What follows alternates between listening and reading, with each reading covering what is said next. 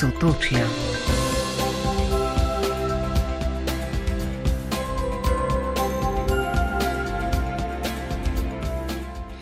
Dober večer, lep pozdrav vsem, ki ste se odločili za družbo rojakin in rojakov iz sosednjih držav.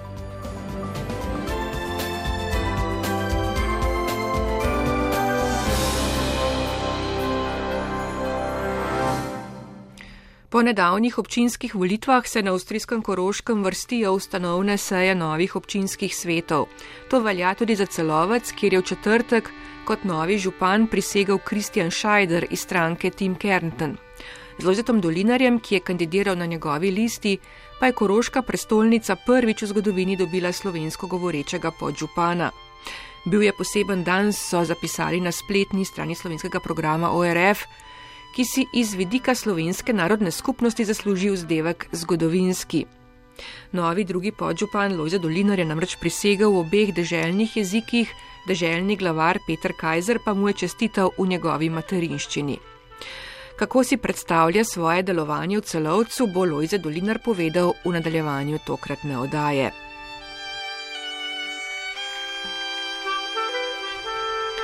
Projekt Reka Evropska prestolnica kulture 2020 se okrnjen pač v okviru strogih epidemioloških omejitev nadaljuje do konca tega meseca in prinaša nove tudi lepe zgodbe. Ena izmed programskih usmeritev Hiša otrok je namreč tudi v resnici zaživela kot hiša in bila nedavno predstavljena kot zanimivo kulturno središče za najmlajše. Kaj vse naj bi se v prihodnje dogajalo, v njej pa boste slišali, če ostanete z nami. Minuli teden smo se spominjali 80. obletnice napada na kraljevino SHS in začetka druge svetovne vojne na naših tleh. 11. aprila 1941 so Ljubljano, potem ko so zasedli notransko, korakali italijani. Skupina več kot 140 zgodovinarjev in raziskovalcev iz Italije, Slovenije in z Hrvaške pa je ob okrogli obletnici pozvala najviše italijanske predstavnike naj vendarle jasno obsodijo fašistične zločine, ki so jih zagrešile italijanske okupacijske sile. Italija doslej namreč tega ni storila. Državski zgodovinar dr. Gorast Bajc je v odmevih televizije Slovenija glede odzivov politike med drugim dejal. Sedaj se končno o tem govori. Če politika tukaj zamuja, eh, ne bi bilo niti to prvič. Eh, zgodovinari so vedno pred politiko, če mene vprašate. O fašističnih zločinih pripoveduje tudi virtualna razstava z ognjem in mečem, namenjena predvsem ozaveščanju italijanov.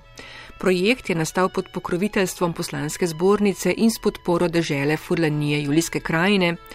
Več o razstavi, pri kateri so sodelovali tudi Tržaška narodna in študijska knjižnica, Muzej novejše zgodovine Slovenije iz Ljubljane in Hrvaški centr za soočanje s preteklostjo dokumenta pa v nadaljevanju odaje.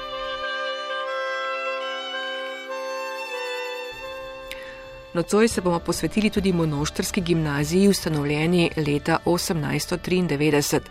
Bila je prva gimnazija na območju med Muro in Rabo. Pokrajinska in študijska knjižnica Murska sobota je o zgodovini in pomenu te gimnazije za slovence izdala publikacijo, o kateri bo več povedala raziskovalka Klaudija Sedar. Najprej pa se odpravimo na avstrijsko Koroško, kjer je samo testiranje učencev že nekaj časa običajna praksa.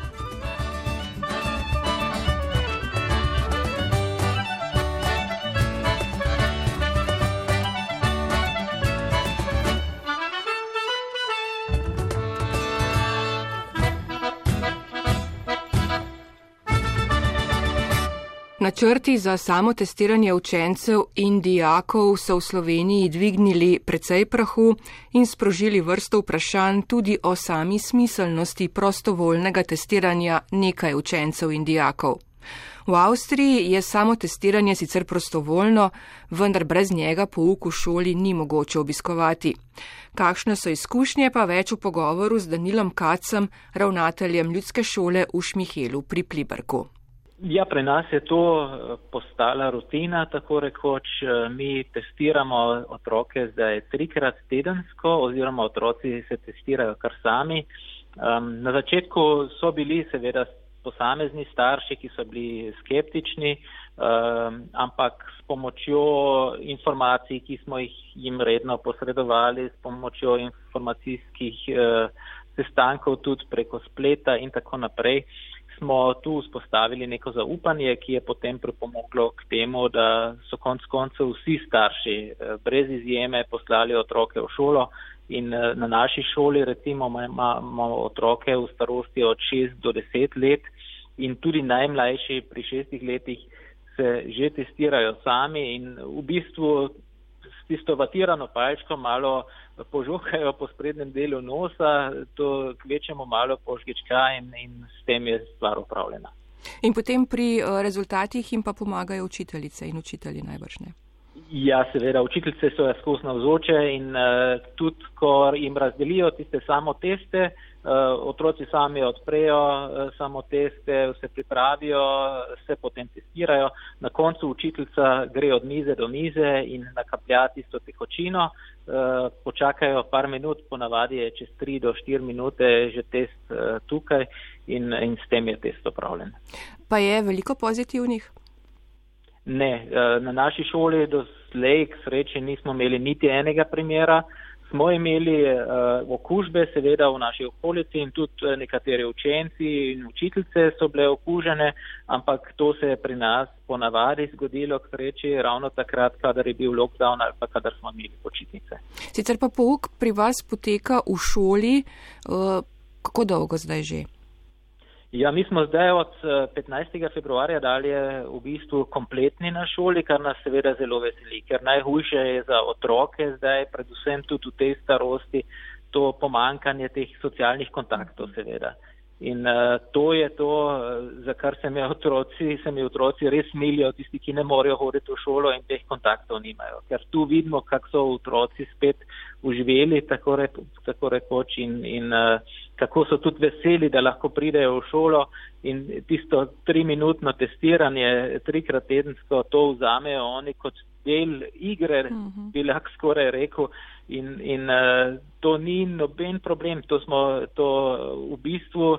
Uh, smo veseli, da imamo to možnost in uh, po drugi strani pa seveda to testiranje uh, prinese tudi neko varnost celotni družbi, ker, ker to testiranje ja tudi izpove, če je v kakšni družini recimo kdo okužen eh, in bi to lahko, recimo, če nima simptomov, nesel tudi naprej. Mhm. In s tem, da mi testiramo v šolah, eh, tudi prispevamo naš del k temu, da bomo, upajmo, eh, čim prej to pandemijo premagali.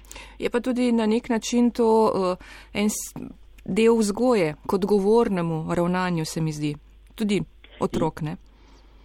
Seveda, tudi to in, in otroci to tudi uh, tako občutijo uh, in so mogoče celo malo, bi lahko rekel, ponosni na to, da lahko prispevajo tudi svoje.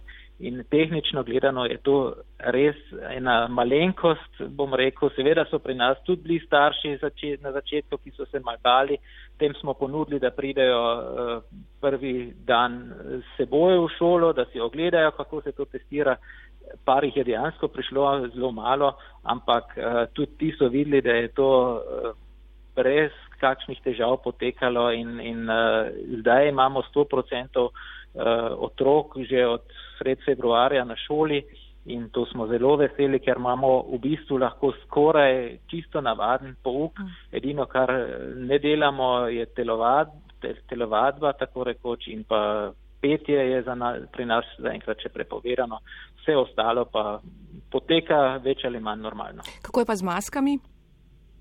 Maske so pri nas eh, še vedno obvezne, ampak eh, za otroke samo na hodnikih, to se pravi, ko pridejo v razred eh, in na svoj prostor, lahko masko snamejo in, in potem jim mask ni treba nositi.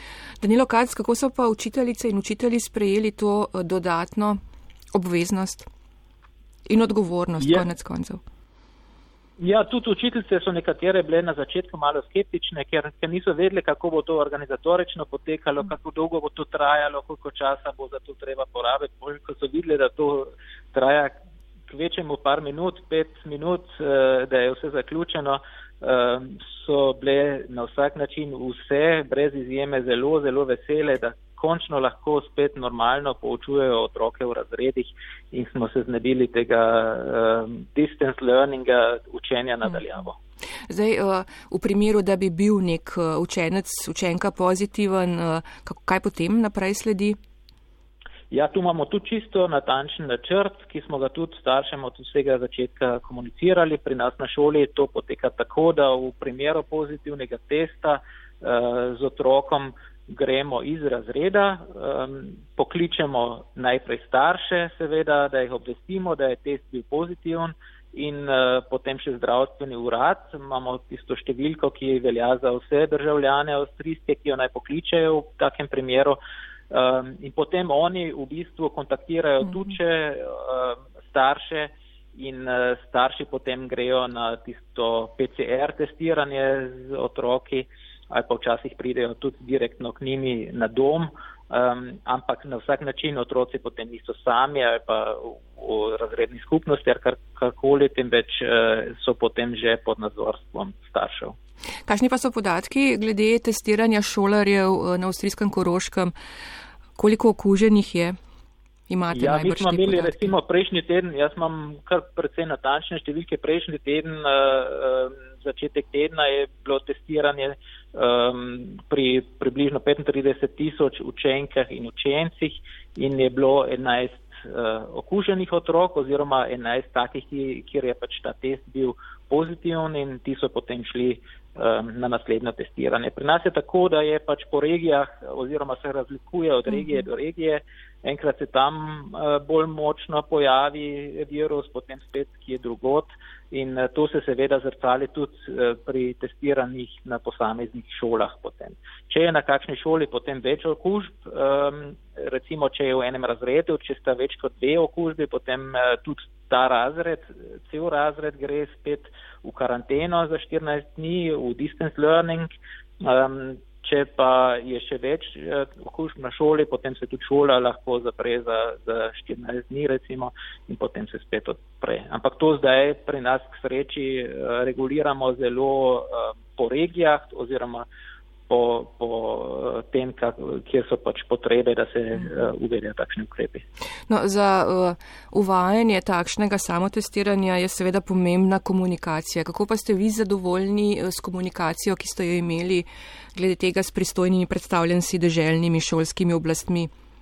Ja, pri nas je to uh, lansko leto, ko, ko je izbruhnila ta pandemija, uh, um, je komunikacija bila še dokaj slaba. In uh, moram pa povedati, da se je iz meseca v mesec to izboljšalo, da so tudi uradi, zdaj recimo ministrstvo na Dunaju in, in naša izobraževalna direkcija v celovcu uh, nekje našli pot, da bolj profesionalno bolj neposredno komunicirajo in uh, moram povedati, da zdaj smo tudi mi na šolah uh, dokaj zadovoljni s tem, kako dobivamo informacije in prednost, uh, to smo opazili pa šele pozneje, je ta, da v Avstriji v bistvu uh, komunikacija vedno izvira iz enega vira um, in, in uh, da nimamo ne vem koliko različnih informacij potem, ki jih dobivamo. Um, in tudi recimo, uh, ko ministrstvo informira, informira potem tudi deželjne urade in informacije so vedno iste in, in uh, konc koncev pridejo pol skoraj istočasno, uh, ko, ko dobi izobraževalna direkcija v celovcu informacije z Dunaja, jih dobimo tudi mi na šolo. Um, tako da se je tu verjetno tudi zaradi tega, ker pač že tako dolgo traja, uh, stvar uh, dokaj profesionalizirala in, in uh, komunikacija dobro teče in uh, tudi starši imamo vso komunikacijo preko interneta, preko raznega softvera, ki ga imamo pač pri nas prav za to in uh, tako da neposredno dobivajo informacije. Mislim, da je to najbolj pomembno mm. pri vsem, da informacija dobro teče, uh, profesionalno teče in da starši vidijo, tu je res uh, ena linija. Danilo Kac, bliža se konec šolskega leta, kako pa je s posledicami, ki jih je pustilo vendarle to šolanje nadaljavo? Ja, pri nas je bilo tako, da, da je veliko učenk in učencev tudi v času lockdowna vseeno bilo na šoli, kjer so starši imeli možnost, da mhm. otroke vseeno pošljajo v šolo, kadar so imeli potrebo po oskrbi. In smo imeli že prej skoraj polovico otrok itak tu pri nas na šoli. Ampak tudi tisti otroci, ki so bili doma, so zaradi dobre komunikacije med starši in učiteljicami dobro napredovali, bom rekel, edino, kjer, kar pač ni funkcioniralo tako dobro, je jezikovni pouk. Uh mhm. -huh. In pri nas imamo dvojezični pouk na naših šolah, to se pravi, otroci se učijo tako uh, v nemščini in v slovenščini, to, to se pravi, polovica pouka poteka v slovenščini, polovica pouka v nemščini. In za tiste otroke, ki nimajo predznanja oziroma kjer tudi starši recimo ne znajo slovensko, je to bilo res uh, težko in je bilo, bil to velik izziv. Uh, To pa poskušamo zdaj, seveda, kar se da dobro nadoknaditi, tako da realno gledano zdaj ne bo, po mojem, ne vem, kakih posledic za bodočnost in ne manjka otrokom toliko, koliko smo na začetku mogoče mislili, da, mm. da jim bo manjkalo. Odlično. Danilo Kac, ravnatelj Evropske ljudske šole v Šmihelu pri Pliberku, hvala za pogovor in seveda uspešno še naprej. Hvala, enako. In ko smo že pri najmlajših, je zdaj tu le še otroški pevski zbor Danica Išent Primoža v Podjuni.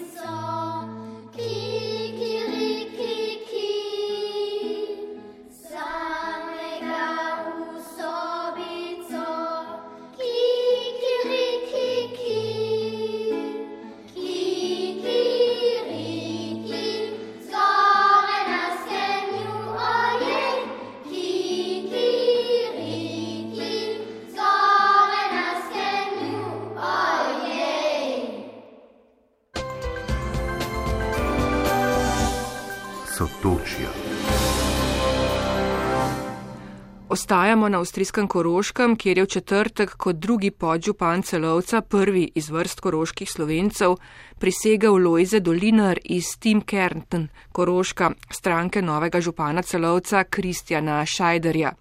Pred kratkim upokojeni profesor slovenščine in telesne vzgoje bo prihodnjih šest let kot podžupan v celovcu zadolžen predvsem za občinska stanovanja, okolje in energijo ter za čezmejno povezovanje v alpsko-jedranskem prostoru. Ga je povabilo novega župana presenetilo? No ja, zagotovo je bilo to veliko presenečenje. In zagotovo tudi ne moreš kar tako le v hipu reči, da boš pristal oziroma da boš upravljal to funkcijo. Eh, vendar, ko sem imel nekaj časa za premislek, sem se pa potem le odločil. Gre namreč za pomembno funkcijo, da bi koroški slovenec sooblikoval celovško mestno politiko, se namreč še ni zgodilo. Ja, to je bilo zagotovo prvič, imate prav, mi imamo mestni svet in, in občinske odbornike. V, v občinskem zboru je bil že pred 150 leti Andrej Enšpiler, to je bil slomško sopotnik vendar od takrat naprej pa ni bilo nobenega slovenca več v celovški politiki. Novi celovški župan Kristjan Šajder, tako kot podžupan Lojze Dolinar, prihaja iz stranke Tim Kärntnen, nekoč Tim Štronah. Mene je v bistvu ta stranka povabila leta 2012 in eh, naslednje leto, leta 2013, smo imeli eh, državno-zborske volitve kjer sem tudi kandidiral in bil izvoljen za državnega poslanca. Ta stranka se je potem preimenovala v Tim Koroško oziroma Tim Kenton in ima še danes to ime. V tej stranki sem od, od vsega začetka v predsedstvu in zdaj sem tudi kandidiral na občinskih volitvah v celoto. Tim Kerenten je postala druga najmočnejša stranka v celovškem mestnem svetu, ima namreč 11 članov, dva manj od socialdemokratov, ki so doslej vodili mesto. Je bil rezultat za njih presenečenje? Ja, zagotovo. Mi smo, ja, mi smo postali druga najmočnejša stranka. Pričakovali smo cirka štiri mandate, štiri odbornike, občinske odbornike, da bi dobili, vendar uh, v končni fazi jih imamo pa zdaj 11 to je bilo zagotovo veliko presenečenje. Velika podpora pomeni dobre možnosti, dodaja Lojze Dolinar, celovški podžupan. Ja, to pomeni, da, da lahko marsikateri projekt peljemo, ne, tudi osebno sem v mestni vladi in pa še dodatno kot, kot v bistvu podžupan imam seveda razne možnosti, da lahko vplivam na marsikatere projekte. Tim Kerten je minuli teden končal pogajanja z drugimi strankami in oblikoval koalicijo s socialdemokrati in z ljudsko stranko. Kaj pa novemu podžupanu celovca predstavlja največji izziv? To, kar je izziv vsem večjim mestom, odgovarja. Eden od največjih izzivov je zagotovo digitalizacija. Če me pa zdaj vprašate, glede dvojezičnosti, je pa tako celovec je občina na Koroškem, kjer živi največ slovencov. V celotu živi približno 7000 slovencov in zagotovo bom jaz tudi zagovornik za te ljudi, ne, za, naše, za naše rojake. E, med drugim je pa tudi cirka 2000 slovencev, ki so se preselili iz Slovenije v celot in živijo zdaj tukaj. E, to se pravi, ta slovenska srednja v celotu je precej močna. Tega, eh, poleg tega pa imamo slovenci v celotu tudi vse eh, kulturne, politične, športne, eh, šolske in tako naprej organizacije, kjer dela tudi veliko slovencev, ki prihaja od zunaj, ne, to se pravi, prihajajo iz, iz, iz raznih vasi in se potem spet vračajo domov zvečer. Se pravi, celoc je, je tudi neke vrste centr nas slovencov, ki živimo na Koroškem. In to naj bi se bolj odražalo tudi v samem mestu, dodaja nas sogovornik. Zagotovo se bom zauzemal tudi za to, da bo, da bo kakšna cesta poimenovana po kakem zelo pomembnem slovencu, da bomo, da bomo dvojezičnost eh, lahko prezentirali tudi bolj sproščeno, kot je bilo to do zdaj. Tu me čakajo zagotovo veliki izzivi. To pomeni, da ima za to podporo tudi v svoji stranki? Če bom znal pripričati eh, poslance, potem bom zagotovo imel eh, podporo vseh poslancov. Kako pa je koroškim slovencem naklonjen novi župan Kristjan Šajder? No ja, zagotovo je zelo odprt do slovencev, ki živijo v celotu, Ne na zadnje je dal tudi intervjuju za radio televizijo Slovenija izjavo, da je treba vse besede, ki so bile do zdaj žaljive, v bistvu pokopati in začeti znova v smislu dialoga. Jaz mislim, da je to ena zelo pomembna zadeva, ne, na kateri je treba zdaj graditi. In uh, mislim, da se s, s tako izjavo celoškega župana odpirajo tudi razne možnosti in pa perspektive. Odpirajo se nove možnosti sodelovanja, je prepričan podžupan Lojza Dolinar. So to sodelovanje s Slovenijo bo verjetno lahko bolj eh, nekonvencionalno ne potekalo na vseh področjih, na šolskem, na znanstvenem področju, na področju turizma eh, in tako naprej. V končni fazi živimo v Alpi-Jadranskem prostoru in tu imamo razne možnosti tega povezovanja, tudi preko raznih programov, ki jih financira Evropska unija, Interreg programov in tako naprej. Ne. Tu se že odpirajo vrata za marsikatero zadevo. In kako si Lojze Dolinar predstavlja celovec ob izteku mandata? želim si, da bi bil celovec zelo odprto mesto, da bi bili ljudje odprti. Končni fazi imamo tudi cirka 20% naših ljudi tukaj v celovcu, a ne meščanov, je, je priseljencev. Uh, in menim, da, da tudi priseljenci lahko, lahko svoje ponudijo do odprtosti mesta. Uh, univerza je, je orientirana v Evropo, to se pravi, in pa tudi zelo v ta jadranski prostor. Ne, imamo tudi veliko študentov iz Furlanije in Slovenije in tako naprej. Ta odprtost uh, živi v celovcu in upam, da bo, da bo še bolj zaživela. Da bodo tudi Slovenci iz Slovenije prihajali radi v celovec in, se, in da se bodo tu dobro počutili.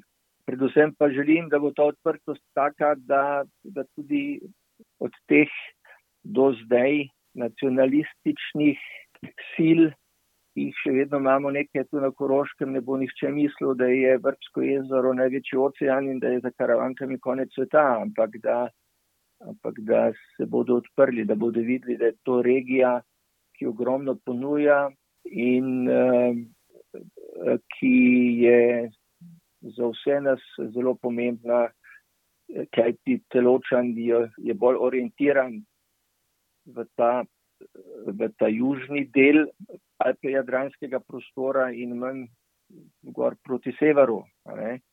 In vse te sinergije je pač treba nekje združiti in v tem mislim, da bo celoč in da bo lepo in prijazno in moderno mesto. Tako si, če šest let celovec predstavlja njegov drugi podžupan Lojza Dolinar, mi pa zdaj v Bilčovs, kjer je vadil mešani pevski zbor Bilka, na to pa na morje.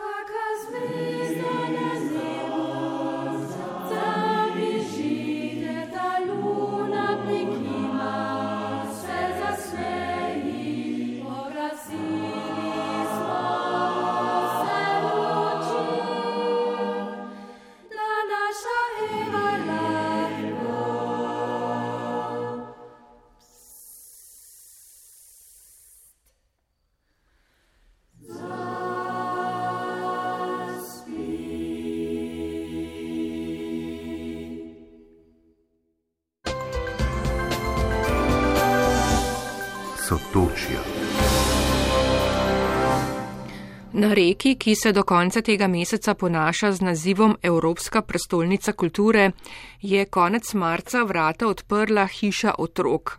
Gre za enega izmed uspešnih projektov, ki naj bi postal kulturno središče za najmlajše.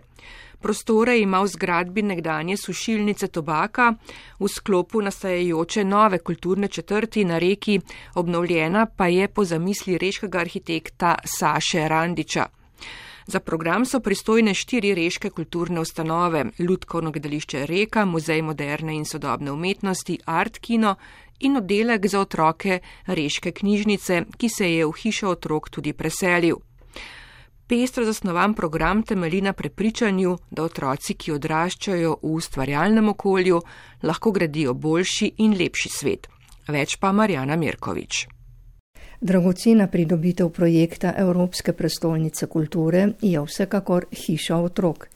Pomemben del programa bo ustvarjalo Reško lutkovno gledališče ravnateljica Magdalena Lupi Alvir. Hiša otrok na reki je prva na Hrvaškem in njen koncept je v bistvu, da se v njej dogajajo programi za otroke od 0 do 12 eh, let starosti. Ideja hiša otrok je, da ne ustvarjamo programe samo za otroke, ampak tudi skupaj eh, z otroci. To pomeni veliko programov, eh, delavnic in razno raznih drugih programov, ki vključujejo otroke kot naše so ustvarjalce, so kreativce. Mi se v bistvu kot eh, inštitucija ne selimo tja, eh, koristimo pa prostore, pa prostor eh, dvorane v katerem bomo imeli ljudkovne predstave manjših form. V tej dvorani bo programe tudi imelo Art Kino, pa kolegi iz ostalih inštitucij.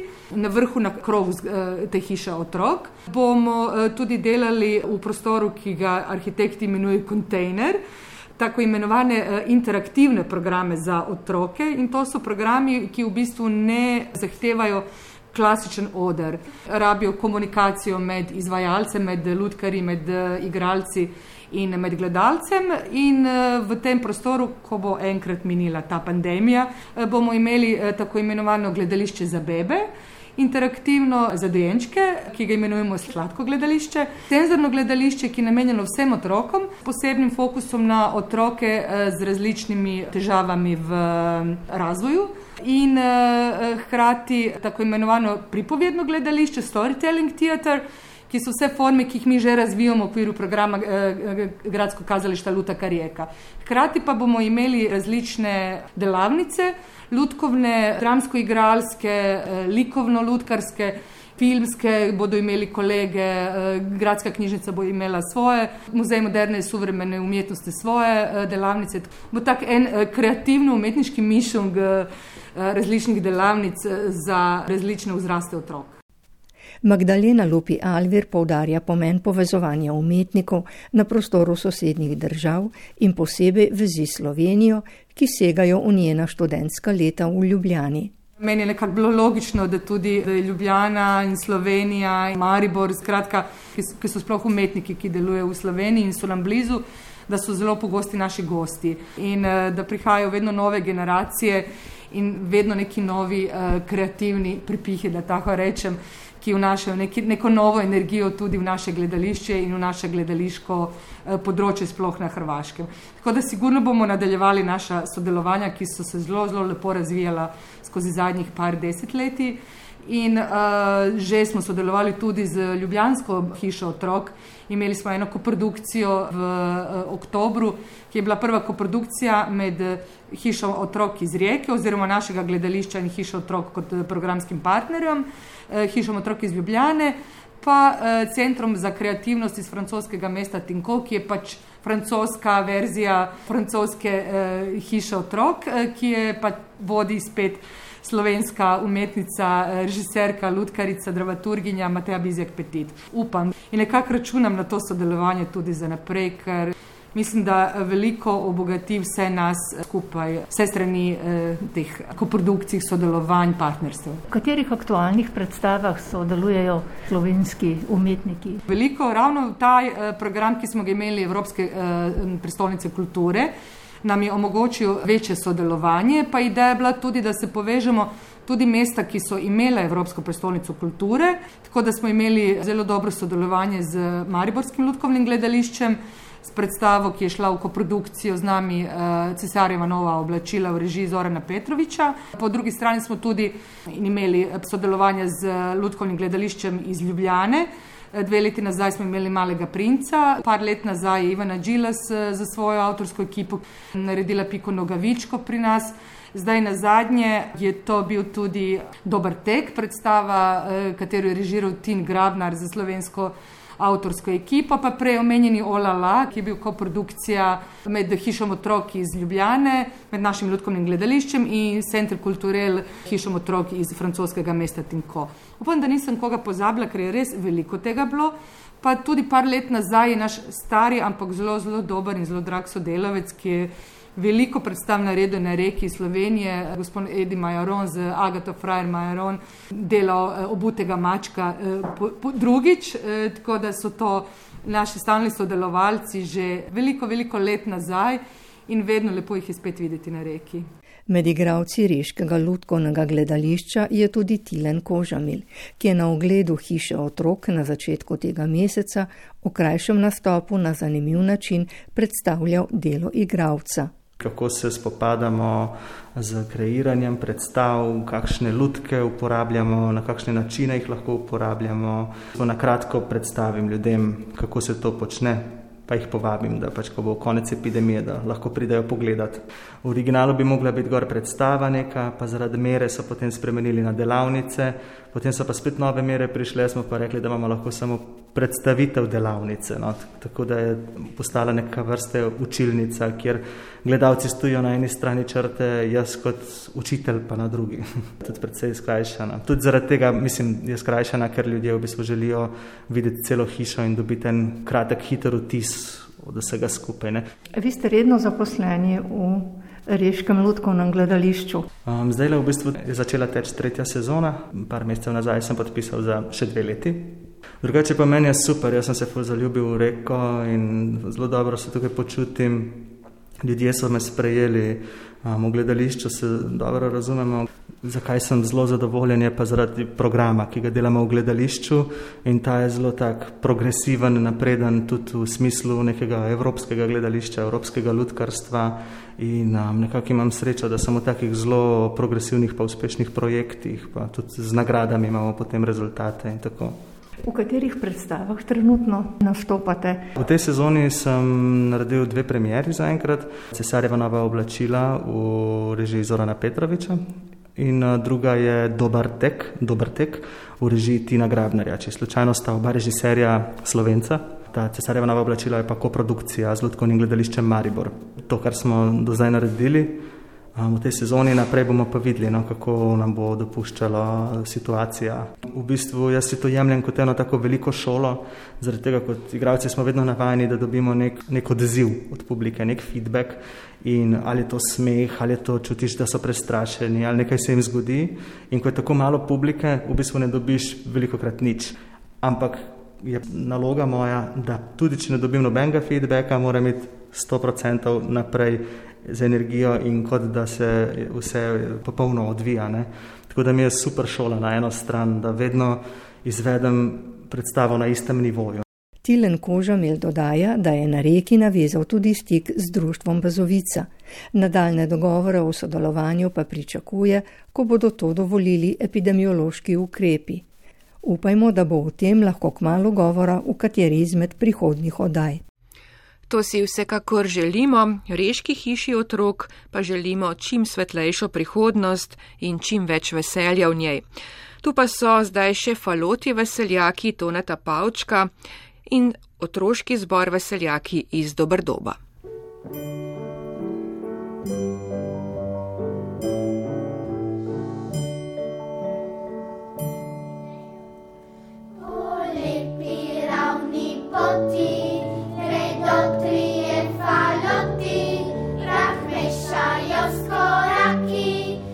pojejo po poti, za prosom in za nosom, pač nekam na gostijo, kjer gostov ne pustijo, oditi z dolgim nosom. Kam greste, veseljaki, po lepi ravni poti? Ja, gremo na gostijo, kjer čeprkajo kaj. Teraz te.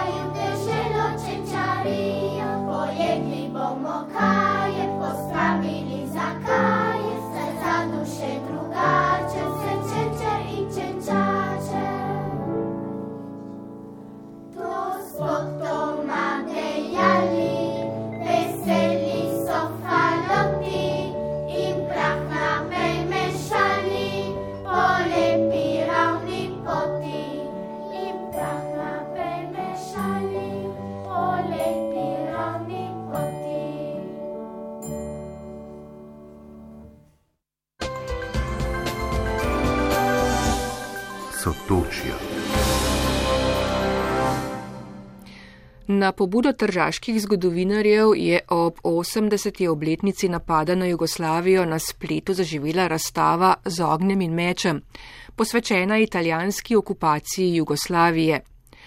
V sodelovanju s številnimi inštituti je nastala obsežna fotografska razstava, s katero želijo širši italijanski publiki predstaviti temno plat nacionalne zgodovine, ki ostaja mnogim še vedno neznana. Italija se je nemškemu napadu na Jugoslavijo pridružila 11. aprila 1941 in zauzela del Slovenije, Hrvaške, Srbije, Makedonije in Črne gore. Več o razstavi pa špela Lenardič.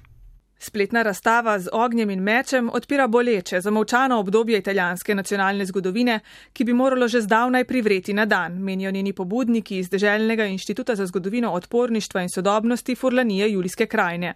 Zgodovinar in profesor na Tržaški univerzi Raul Pupo. Perché siamo in ritardo di 80 anni. Zamujamo tako rekoč že 80 let. Tragični dogodki iz časa okupacije italijanske vojske v Jugoslaviji so zgodovinarjem dobro poznani, ne pa tudi širši italijanski javnosti. Ker gre za temno plat nacionalne zgodovine, so jo desetletja raje umikali v pozabo, tako v politiki kot na ravni institucij in javnosti. Menimo, da je napočil čas oziroma da je nujno, da se s to preteklostjo soočimo. Obsežna razstava je razdeljena na deset vsebinskih sklopov, od napada do upora in civilnih vojn, ki jih je spodbudilo razkosanje nekdanje kraljevine Jugoslavije. Posebna poglavja so namenjena fašistični represiji in koncentracijskim taboriščem. Fotografijam in razlagom so tu dodali pričevanja tako nekdanjih taboriščnikov kot italijanskih vojakov, zgodovinar Raul Pupo. Prednost smo namenoma dali italijanskim pričevalcem, saj nam njihove zgodbe omogočajo, da lažje razumemo logiko fašističnega zatiranja. Nekdani vojaki nam povedo, kaj so nameravali oziroma kaj so storili. Teh virov ne moremo obtožiti pristranskosti, sami nam predstavijo svoje dejanja. Med več kot 200 fotografijami je na razstavi tudi nekaj takih, ki še niso bile objavljene. Izstopajo podobe, ki jih je gnevniškim zapisom priložil nekdanji italijanski vojak, pravi avtor razstave Raul Pupo. Najbolj se me je dotaknila fotografija, ki je bila zdaj objavljena tudi v časopisu La Repubblica. Fotografija je del osebnega arhiva nekdanjega vojaka, ki je posnel niz usmrtitev. Na prvi pogled ni slika nič posebnega. Vidimo dva vojaka, ki pod roko držita starejšo kmetico. Lahko bi ji pomagala prečkati cesto, a v resnici sta jo odvedla do kraja usmrtitve. Poleg fotografij in krajše predstavitve ponuja vsak vsebinski sklop tudi poglobljeno razlago z daljšimi intervjuji več kot 80 zgodovinarjev. Med njimi so tudi slovenski strokovnjaki. Pri pripravi razstave je Narodna in študijska knjižnica iz Trsta sodelovala v dveh vlogah, pove zgodovinar Štefan Čok. Smo dali na razpolago Eh, naš fotografski arhiv z nekaterimi fotografijami eh, iz obdobja eh, vojne, tako na slovenskem, kot na sploh v sklopu celotne Jugoslavije. Podaril bi, da je bila tudi priložnost, da bi se dotaknili dogajanja leta 1941, če lahko tako rečem, na tej strani Rapajske meje, saj smo podarili tudi uh, pomembnost tistih dogodkov tudi za območje Primorske in so tudi med drugim opozorili na 80 let drugega tržaškega procesa in torej je tudi nekaj fotografij vezanih na Opensko uh, strelišče in na Tomažiča in tovariše. Poleg dragocenega arhiva pa so v Narodni in študijski knjižnici avtorjem razstave pomagali tudi pri povezovanju z drugimi slovenskimi in hrvaškimi ustanovami, dodaja Čok. Eh, Muzej novejše zgodovine Slovenije v Ljubljani, ki je takoj tudi pristopil k sodelovanju in tudi torej, eh, uradno partner te razstave s katerim smo skupaj uh, določili gradivo, fotografsko gradivo, ki bi lahko bilo za razstavo koristno. Spomnil bi, da v, razstavi, v razstavo smo vključili tudi nekaj posnetkov iz dveh dokumentarcev RTV Slovenije, ki je tudi takoj pristopila k temu, tu gre za nekaj odlomkov Eh, iz dokumentarca Strah ostane eh, o slovencih v fašističnih eh, taboriščih in o nekaj odlomkih tudi iz dokumentarca Požig, ki je šel lani, ki se ukvarja z narodnim domom, ampak se ukvarja tudi s širšo stvarnostjo in se dotika tudi medvojnega dogajanja. Čeprav je razstava v prvi vrsti namenjena okupaciji italijanske vojske nekdanje Jugoslavije, so slovenski zgodovinari opozorili tudi na fašistično nasilje pred letom 1941. Da bi razumeli vsekakor različno politiko, ki jo fašizem vzpostavi na primorskem, v primerjavi naprimer z Ljubljansko pokrajino, torej na primorskem popolno zatiranje katerekoli prisotnosti eh, enostavno slovenske besede, v, Ljublja, v Ljubljanski pokrajini pa vsekakor slovenščina je prisotna in torej vsekakor različna politika, po drugi strani pa prav, ko omenjamo tudi drugi tržaški proces, opozarjamo na to, da že pred vojno se tu nahajalo eh, približno pol milijona slovencev in hrvatov, kar tu naj podarim seveda, da kar se Eh, tega prostora tiče, isto zgodbo doživijo tudi Hrvati v Istri, eh, ki že prej doživijo 20 let fašističnega zatiranja. Tisto leto 1941 je ponovna priložnost za fašizem, da ponovno udari po slovencih in Hrvatih v tem prostoru, in torej drugi tržaški proces, in torej opensko središče. Po drugi strani, in tudi to je prisotno v razstavi, smo opozorili na dejstvo, da z napadom na Jugoslavijo in potem tudi z razvojem odporništva in z razvojem potem tudi osvobodilnega gibanja, se potem to osvobodilno gibanje kaj kmalo začne razvijati tudi na tej strani rapajske meje. Torej smo skratka opozorili na to, da fašistična Italija z napadom na kraljevino Jugoslavijo tudi hkrati sama ponovno odpre tisto mejno vprašanje ne? in torej ponovno uh, da vse ponovno v igro. Recimo. Razstava je namenjena italijanski publiki. Če bodo v prihodnje dobili dodatna sredstva, jo bodo z veseljem prevedli tudi v slovenščino ali angliščino, pove Raul Pupo Stržaške univerze. In dodaja, da je sicer ta del zgodovine slovenski in hrvaški javnosti že dobro poznan. Za večino italijanov pa bo ogled boleče presenečenje. Štefan Čok ker to pomeni, da ta razstava je namenjena tisti italijanski publiki, ki sploh ni seznanjena s temi dogodki, ki sploh ne ve o obstoju nekega fašističnega sistema taborišč med vojno, ki še verjame v mit uh, dobrega italijana in ki torej ni seznanjena uh, s sodelovanjem italijanskih vojaških enot pri uh, tako krutem poglavju druge svetovne vojne.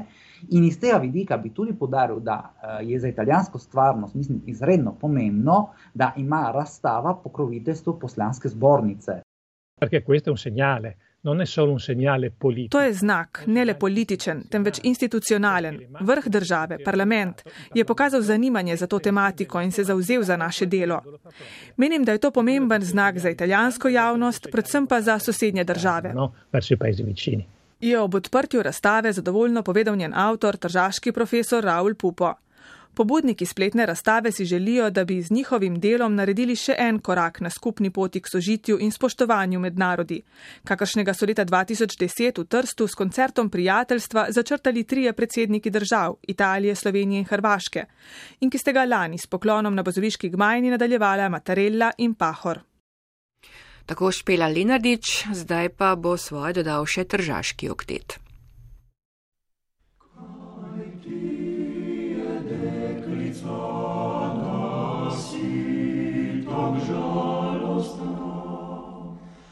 Kaj mi je nič minilo?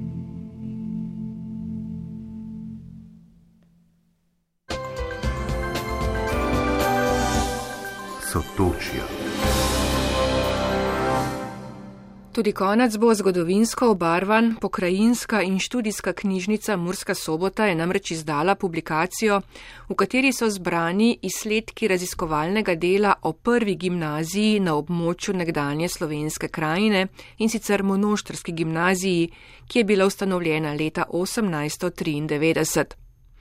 Klaudija Sedar, avtorica knjige z naslovom Gimnazija v Monoštru in njen pomen za slovence v slovenski krajini, je Silvi Eri najprej pojasnila, zakaj se je lotila te teme. Gre za publikacijo, v kateri so podane ugotovitve, podatki, ki so bili zaslej še slabo poznani in prav to v zvezi sem to raziskavo tudi poskušala zapolniti. Doslej je namreč bila ta tematika dokaj slabo predstavljena in ovrednotena, tudi poznana, tako da je nekako ta vloga, ki jo je imela, predstavlja en nov vidik uh, in pogled, kakšen vpliv je dejansko imela na ta prostor. Je povedala avtorica knjige z naslovom Gimnazijo v Monoštru in njen pomen za slovence v slovenski krajini. Kot vemo, so Slovenci med Muro in Rabo, prek Murce in Porabci, vse do prelomnih zgodovinskih odločitev v začetku 20. stoletja živeli skupaj v eni pokrajini. Od 18. stoletja naprej v prevodu po mačarskih poimenovanjih znani pod imenom Slovenska okroglina, stoletje kasneje pa kot Slovenska krajina. Publikacija zajema čas od ustanovitve gimnazije, to je od leta 1893 pa do leta 1948, ko je poleg železne zavese v eh, tem letu, torej 48, v porabi nastopi tudi narodnostni kulturni mok. Znotraj tega sem pa potem izpostavila čas do leta 1919, torej ko je prek Mori pripadlo kraljevini SHS, eh, devet slovenskih vasi pa je ostalo eh, na Mačarskem. Na drugi strani pa je potem podano stanje od leta 1919 pa do 1948, ko je bila doklej enotna slovenska krajina že razbita, torej tudi ena primerjalna uh, kompozicija, kakšno je bilo stanje do leta 1919 in pa do leta 1948, potem do te železne zavese. Gimnazija v Monoštru je bila od svoje ustanovitve leta 1893 do leta 1919, ko je bila ustanovljena gimnazija v Murski soboti, osrednja izobraževalna srednješolska ustanova v slovenski krajini. Obiskovali pa so jo tako porabski kot prekmorski dijaki. Gimnazijo Mojster so obiskovali dijaki različnih narodnosti, med katerimi je bil največji delež mačarske narodnosti, zatem nemške, obiskovali pa so tudi hrvaške, česke in pa drugi, pa tudi slovenske narodnosti iz slovenske krajine, kar dokazuje in potrjuje šolsko letopise gimnazija Monoštev, ki so mi bili tudi eden glavnih uh, virov. Ti letopisi se hranijo uh, na gimnaziji Monoštev in sem uh, resnično hvaležna, da mi je bilo omogočeno uh, pogled v te uh, letopise, da sem potem lahko tudi izluščila vse te podatke. Slovenci so bili pravzaprav tudi številčni tretji po vrsti glede na sestavo, čeprav napram uh, ostalima dvema, torej uh, mađarski slovenske, dijako mađarske in pa nemške narodnosti v manjšini. Kot sem ugotovila, je torej v tem obdobju 1893 pa do 1948 gimnazijo Monošter obiskovalo vsaj 30 dijakov slovenskim maternim jezikom, od tega v obdobju 1893 pa do 1919 vsaj 100 dijakov in v obdobju 1919 do 1948 vsaj 200 dijakov slovenskim maternim jezikom. Število je torej naraščalo, zanimivo, no kljub tedaj že ustanovljeni gimnaziji v Murski soboti, kjer je bil učni jezik slovenski uh, in seveda drugim izobraževalnim središčem. Um, navedbo srednješolskega izobraževanja maturantov gimnazije pa med drugim tudi razkriva, da jih je velika večina srednješolsko znanje pridobivala na več šolah, kar pomeni, da so nekateri dijaki tudi uh, iz prekmure in porabja obiskovali gimnazijo Mono, ker recimo samo po eno leto ali dve uh, in ne nujno vseh osem let, zaradi česar je tudi podano številno variabilno in uh, ne moremo natančno ugotoviti, torej, uh, koliko uh, dijakov je dejansko obiskovali to gimnazijo. Uh, zanimiv podatek je tudi, da so poleg rednih dijakov gimnazije lahko obiskovali tudi izredni dijaki, ki so se učili doma, v šoli pa upravljali izpite In tukaj je še ena zanimivost. Dekleta so naprimer lahko hodila redno v pouku šele od šolskega leta 1913-1914. Eh, do takrat pa so bila eh, vključena v gimnazijski program samo kot zasebne dijakinje, torej kot izredne, vendar pa le do leta 1945, ko je bilo zasebno izobraževanje za dekleta ukinjeno. Sogovornica je še pojasnila, da je v obdobju od leta 1906 do leta 1948 zrelostni izpit opravilo 187 slovenskih dijakov, od tega 153 z območja današnjega porabja, največ iz Monoštra, in 34 iz Prekmurja, največ iz Murske sobote. Zanimivo je tudi, recimo, da so um, bili glede na veroizpoved zastopani dijaki med maturanti iz Prekmure, je bilo največ tako uh, katolikov, potem evangelikanov in pa seveda tudi ljudje so obiskovali to gimnazijo. Zagotovo pa je to dosedanja ta raziskava ena iztočnica za nadaljnje delo, torej kot ena podlaga, uh, na kateri potem lahko tudi uh, to dosedanje uh, delo se tudi nadgrajuje. Eh, ugotavlja se pa, da je bila ta gimnazija zelo dobro organizirana, z velikim povdarkom na učenju jezikov. Eh, zagotovo ni bila zanemarljivega pomena za mladine iz slovenske krajine. Poleg tega pa so dijaki tam pridobili celostno znanje s humanističnim povdarkom za naprej, bodi se za izobraževanje, bodi se življenje. In prav ta preplet več kulturnega, več jezičnega, več verskega in tudi več etničnega učnega okolja je bil tudi izvrstna podlaga za razvoj medkulturne vloge, izobraževanja in podružbe. Je na koncu še povdarila Klaudija Sedar.